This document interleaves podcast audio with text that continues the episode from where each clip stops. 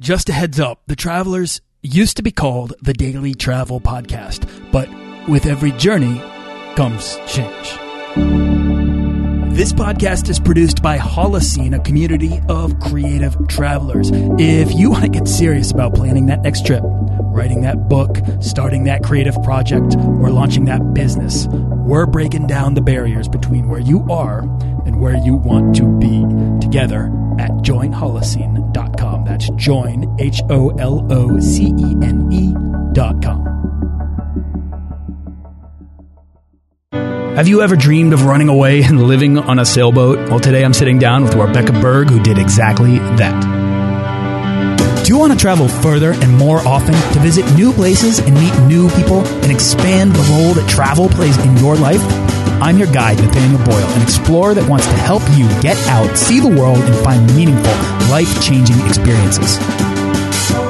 Everyone wants to be adventurous and have great stories, to do the stuff of legend. This is the Daily Travel Podcast.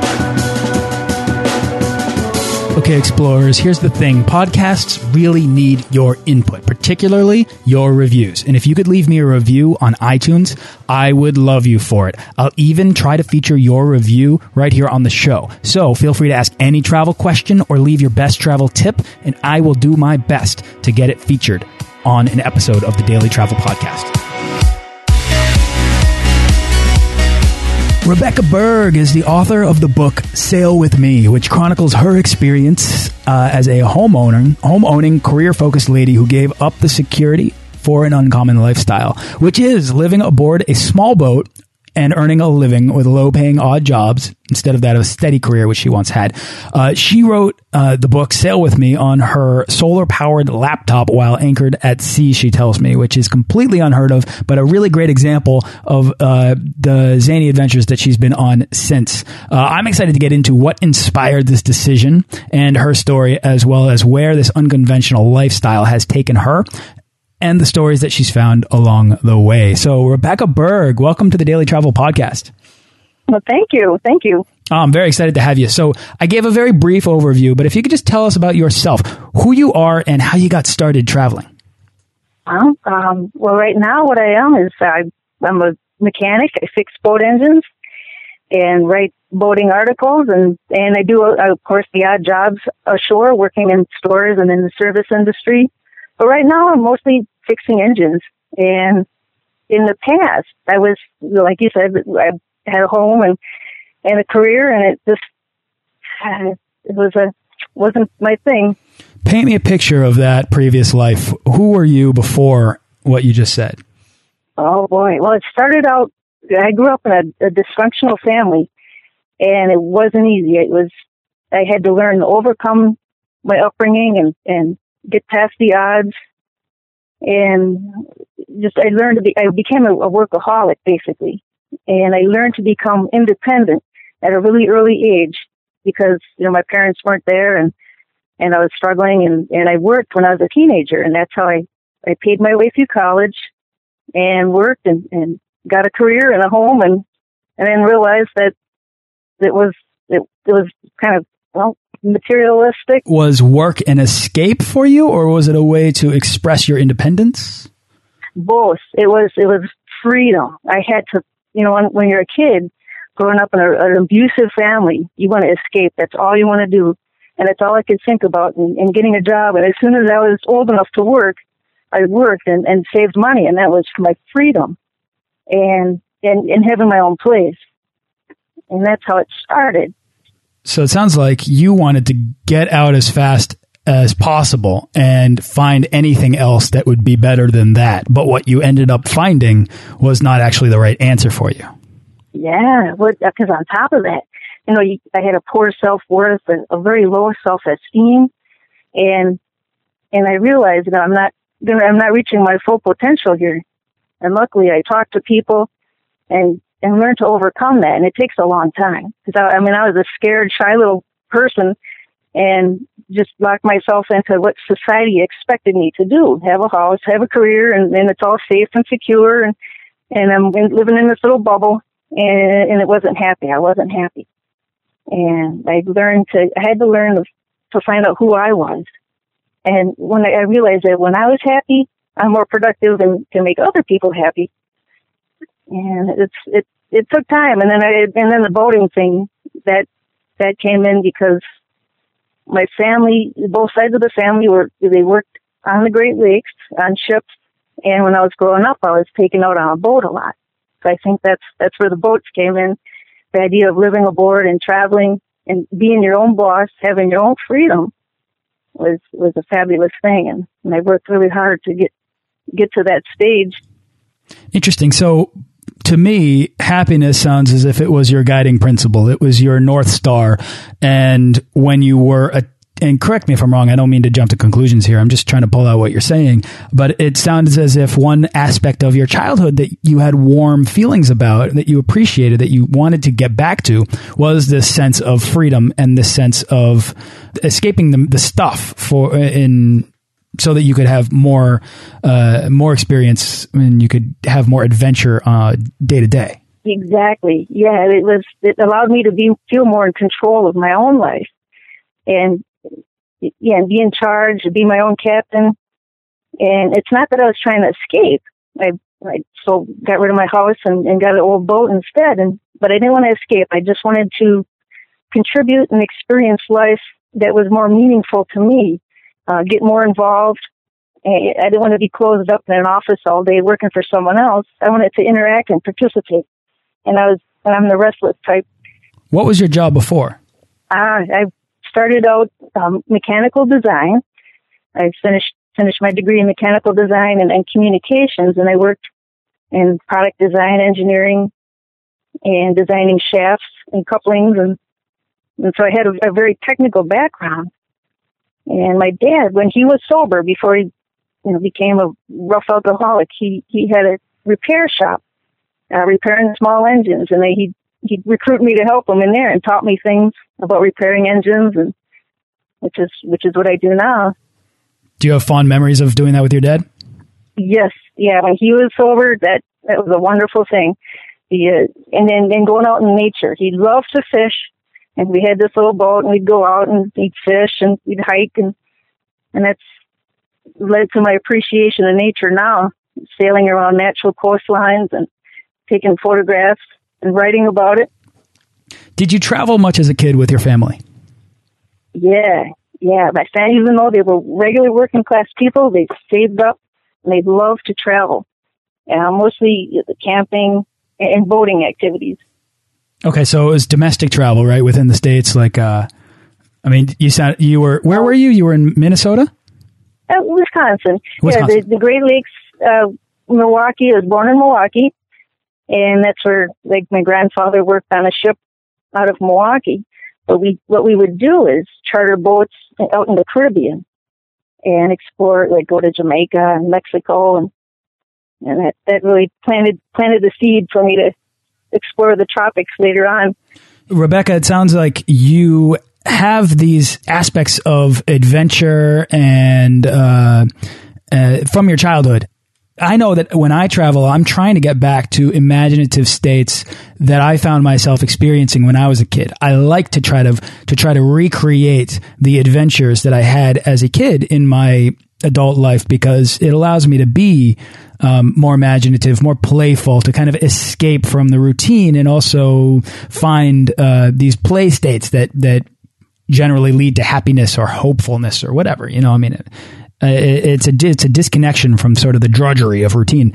Um, and I'm I'm kind of pulling out from a lot of what you're saying is that you had these experiences as a kid that you uh, found yourself as, as if you escaped from them, and then you found yourself in a world that was just completely disconnected from them. And and did you feel as if you lost not just you not just escaped from your family, but lost the things that you actually appreciated about your childhood? Yeah, that, that's a good. You, you worded it very well. yes, Yep. it's interesting. I'm learning things about myself here. I'm always learning. Um, it's true. It's, it's, it's very, boy, healing for the soul just to go out in nature and, and it's, it's very spiritually refreshing and you, you regenerate and I'm very comfortable with solitude. I love people I need to interact with people too. And, and that's another reason for travel is is to experience and learn about other cultures and and meet really interesting characters. People are the most fascinating thing, and connecting with them is, really makes life worthwhile. They are absolutely. You, can take yourself on these adventures in order to put yourself in the position to meet the people that will create for you the best stories, the stories that you remember for the rest of your life. Uh, Rebecca, I'm curious. Take me through the decision that you made to leave uh, your steady career as an engineer and get on a boat. I mean, this is a big step that involves selling everything. It involves getting a boat. it involves having a direction. I mean, you get a boat. One of the things to me, this thought of having of, of living on a boat, it's, it's very romantic. Um, but it, I think I would be cleaved with indecision when I have the entire world, or at least the uh, I could I can go to almost any port uh, within reach suddenly. Mm -hmm you know, when I was working, and I was I was working almost seven days a week, and and, and I, you know, I was thinking, and I wasn't wasn't very happy. So what I did, I joined the local sailing club, and took sailing lessons, and it snowballed from there. And then I did a lot of homework and, and read books and magazines about boating, and talked to people who were into boating, and, and learned. And it was a couple years. The process took a couple years, and it, it's a lot of planning, a lot of homework, and searching for that right liveaboard boat that takes time because that's you want something that's like it's like a dating process. You want the best fit. You know, it's, it's a long term marriage, so you want it to be just right. Yeah. Um, you know, it's good, solid, seaworthy boat that's comfortable for you, and so I it works. The thirty footer works great for me. Very roomy, and it was a lot. It took me a year to find this boat, and I'm very happy. So it, it it's not easy. It's a lot of planning you, you don't have your job, you don't have your house, you just got this boat, and you're really not sure where to go.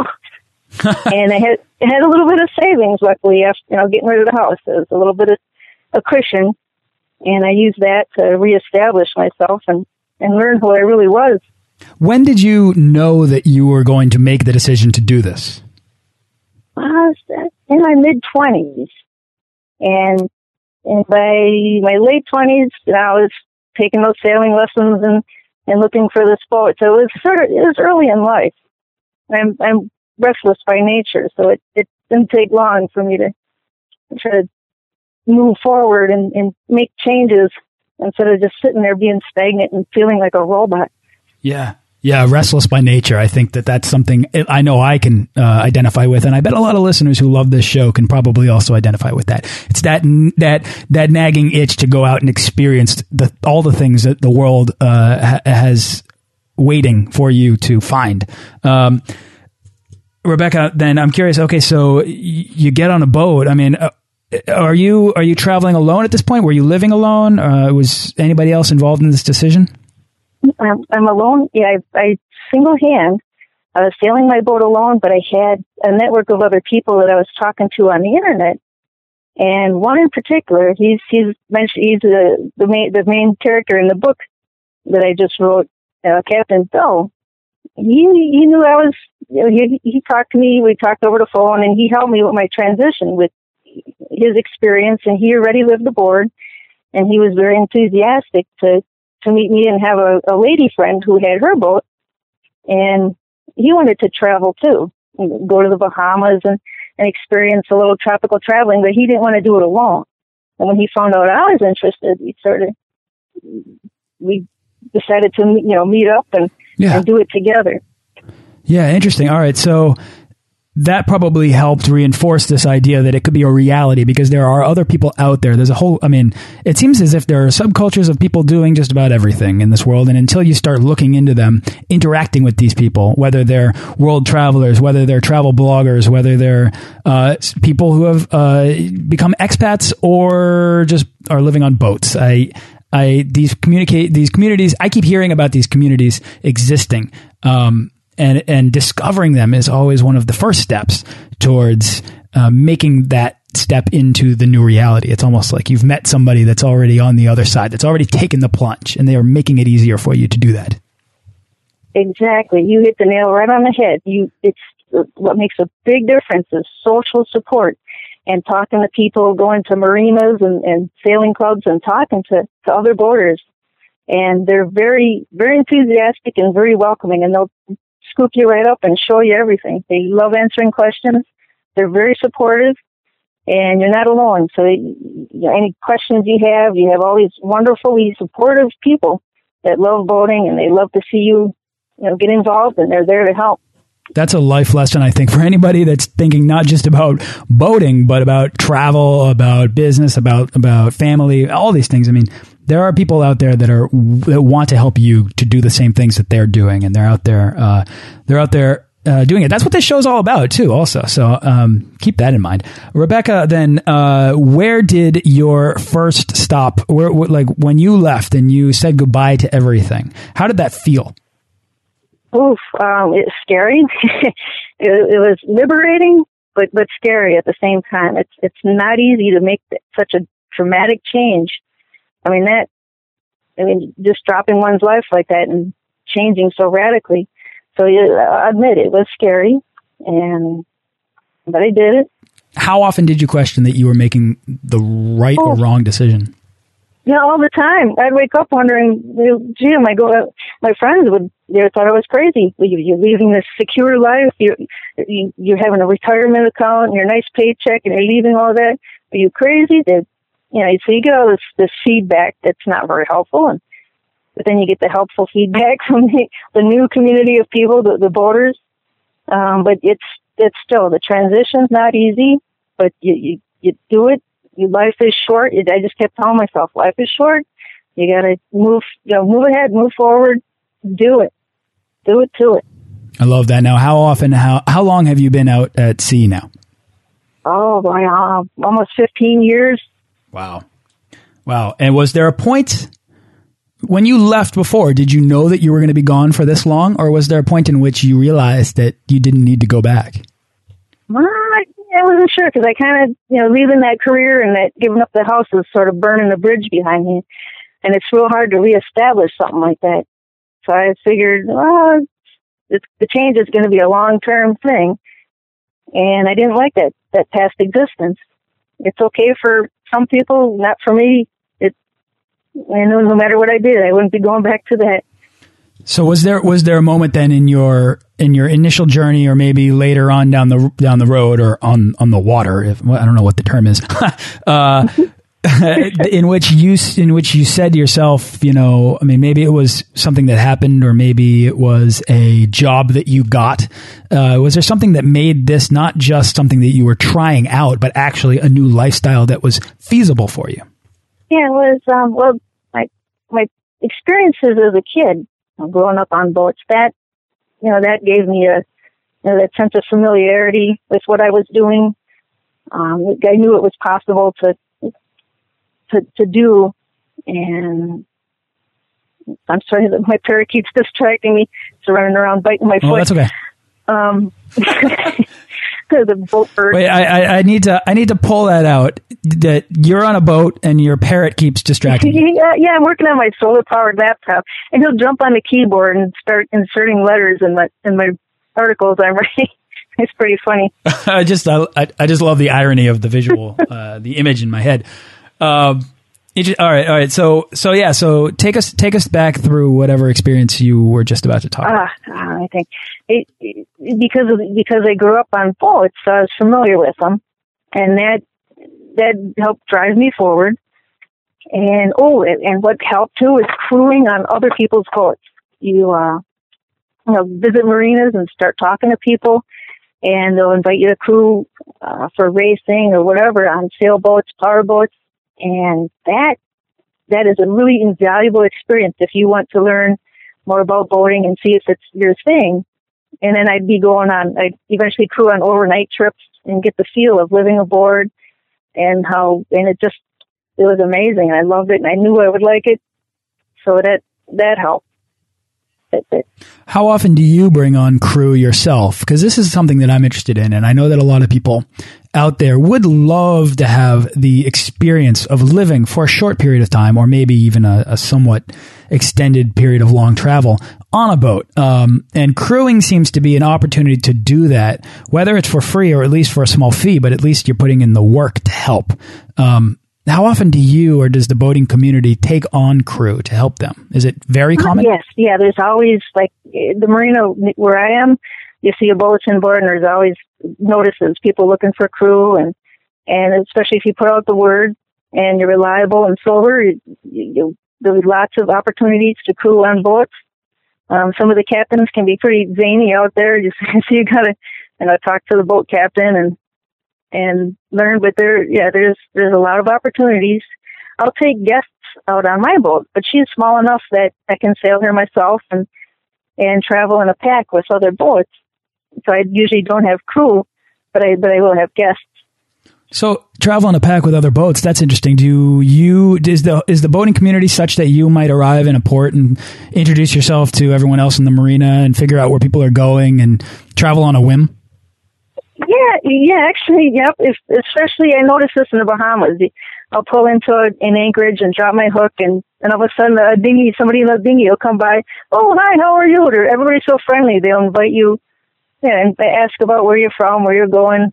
Um, invite you over for sundowners in their cockpit, and that's that's mostly out of the country. And I noticed in Florida, it's not as open like that. You anchor and maybe people warm up to you and, and visit, but it's uh, yeah, you, you get the, these really friendly people that just come right out and introduce themselves. Sure. Uh, it sounds uh, uh oddly similar to the backpacker experience, especially in hostels in, in international countries where any, anybody's really just open for meeting anyone else because everyone's kind of to some degree alone out there and in the same position where they they want to experience other people. They want to meet other people. Um, I, I could imagine being on a boat for an extended period of time would get very lonely. How often do you uh, crave the the uh, company of other people oh well what I do is I travel in short hops and because I, I single hand, I usually like, I like to anchor at night in a safe spot. And so I'm usually close to shore, close to other people. And it's very rare I'm, I'm at sea for long periods. The longest period I've been on the water is two weeks. And that, there was still another boat next to me and we were talking and communicating through the radio. So I never was really alone. And but we get our our social fix as soon as we hit port we'll find a, a waterfront hangout with, with a restaurant and, and meet people and and get immersed in the social atmosphere. I think that's I think that's interesting. All right, so so these social scenes are actually waiting for you, and they're kind of built into the whole the whole network of sailors. Mm-hmm. Oh yeah, yeah. Those boaters know how to socialize and party. I'll tell you that. Wow. All right. So, can you take me through a day in the life of Rebecca Berg on a boat uh, because, for instance, you wrote your book on a solar powered laptop while anchored out at sea, and power is not something that's going to be readily available without solar cells or whatnot. So, obviously, life is going to be a whole lot different out there in the way you have to plan and approach things. Can you just take us through your day and what living on a boat is like? Okay, so a regular day where I'm not traveling, I'm just uh, at anchor. I'll wake up, make some hot coffee, on the stove. I got a little teeny two burner stove and it's like an RV. Everything's compact. So you're like in this floating RV, even the toilet's smaller. And so I'll have my coffee and wake up a little bit. And if I have to go to fix an engine, my schedule's different each day. So, um, I'll, you know, look at it and I'll go racing off in the dinghy. And if I have to fix somebody's engine, I'll go over to their boat and look at their outboard, do what I have to do. And um, sometimes I'll go into land and get some groceries or, or water from the marina. And the boat will also catch rainwater and filter it. So let's see, boy, it's so each day is so different. There's no no set routine. Interesting. How often do you, uh, let's say, fish for dinner? Only if I'm crossing the Gulf Stream, I'll trail some lures out and you know just for kicks to see if I catch anything, which usually I don't. But I don't. Yeah, I don't fish for. Nah, I'm I'm very lazy and I don't like cleaning the fish. But I'll go to yeah. a restaurant and eat the fish. but other people, they they do fish. I want to hear about where you've been, where this life has taken you, um, and and maybe even about what some of the more interesting uh, destinations that you visited. Oh, I, let's see, the Caribbean. Um, the book that I wrote covers the Bahamas. That's my favorite, most favorite cruising ground. And I, I can't afford to go farther. It's, I'm limited by time and schedule and, and I can spend a couple months and that's perfect because the Bahamas are close to Florida where I home port and the, the out islands, uh, Abaco, just these remote, teeny little islands with tiny settlements of people, like 200, 250 people. It's beautiful and amazing. And the sand is glittering white sand and the sparkling blue water with palm trees. It's, it's like being in heaven and talking to these, to, to the locals and interacting with them. It's just the most remarkable experience. Uh, where, where else have, where else have you, is the Bahamas mainly where you spend most of your time? Yes, yeah. There's, I mean, thousands of islands up and down the Bahamas. You, you, it, it takes a while to go through them, so I can, you know, each year I go there, there's different islands. You never run out of uh, scenery, that's for sure. But that's where. Where's a place in the Bahamas that you've been to that most people don't know about that you would recommend? Well, probably the, the Angel Keys maybe Snake Cay. I know some boaters go there, but there's a spot inside. It, it's part of this the mainland of Great Abaco, and in, in in by the Abaco Sea, and there's these like thousands of little teeny islands with with orchids and plants and all these exotic. Yeah, you you have to take the dinghy in there, and you go through this little wilderness experience, and there's all these the wildlife and fish and turtles and it's this most beautiful thing.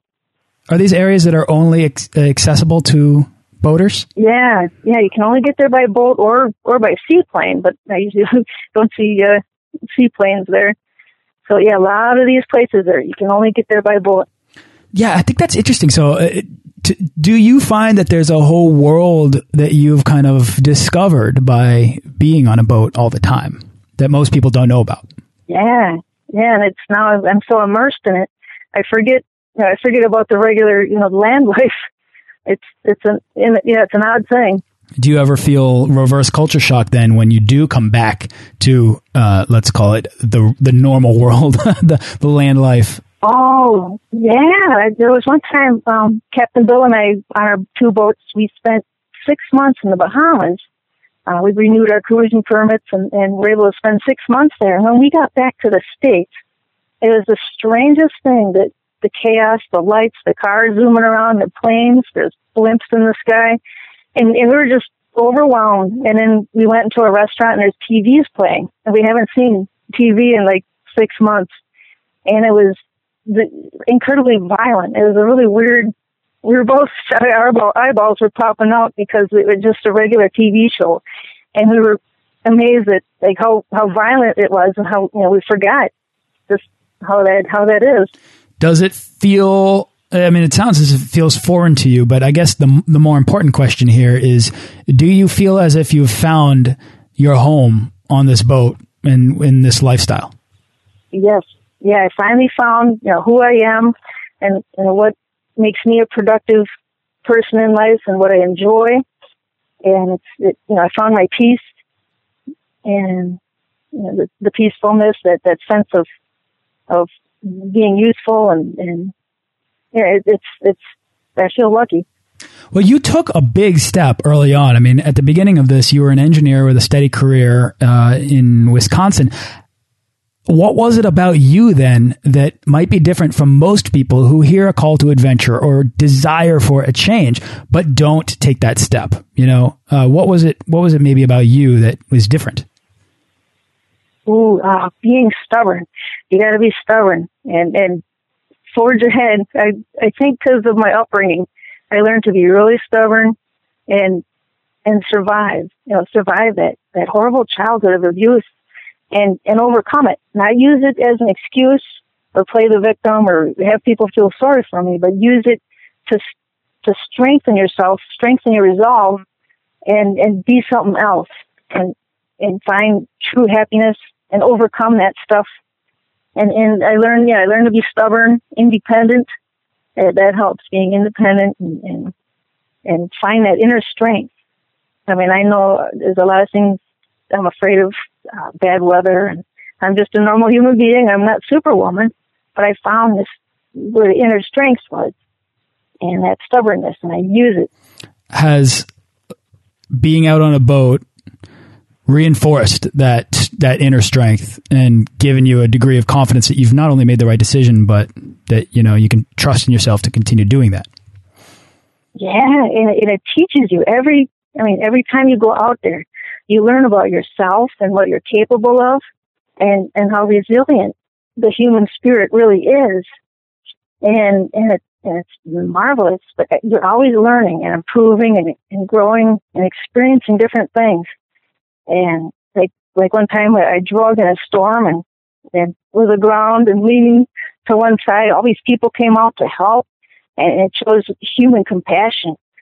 And it's and you, you learn like wow, these people really care. And it's so each each time you're out there, you learn more and improve and, and grow spiritually. I love that. And now with your book, you're helping other people who are curious about the life on boats go out and explore similar uh, similar opportunities. That's right, right?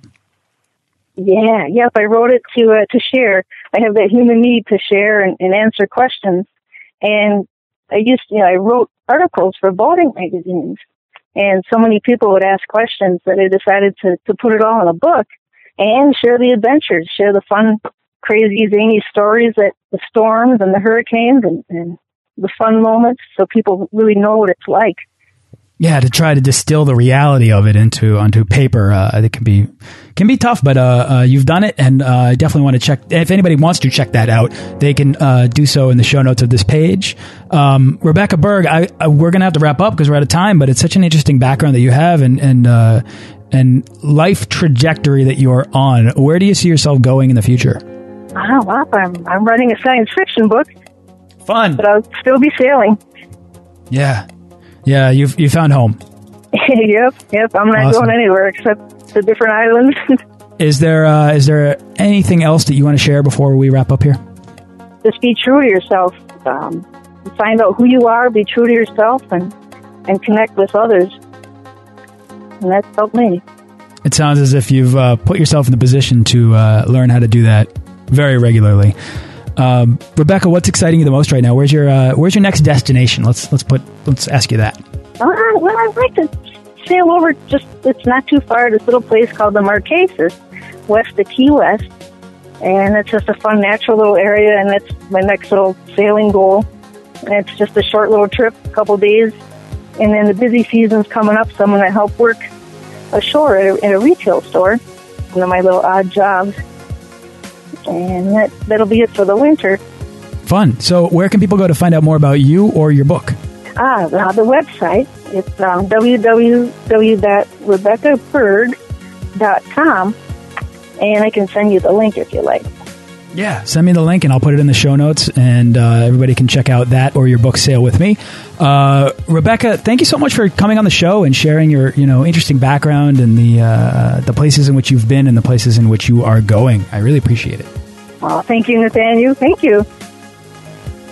Thanks for listening to this episode of the Daily Travel Podcast. For show notes and links to everything in this episode and more, head on over to dailytravelpodcast.com. Join our Facebook page of explorers and subscribe to our newsletter for the best deals and resources to help make your next trip life changing.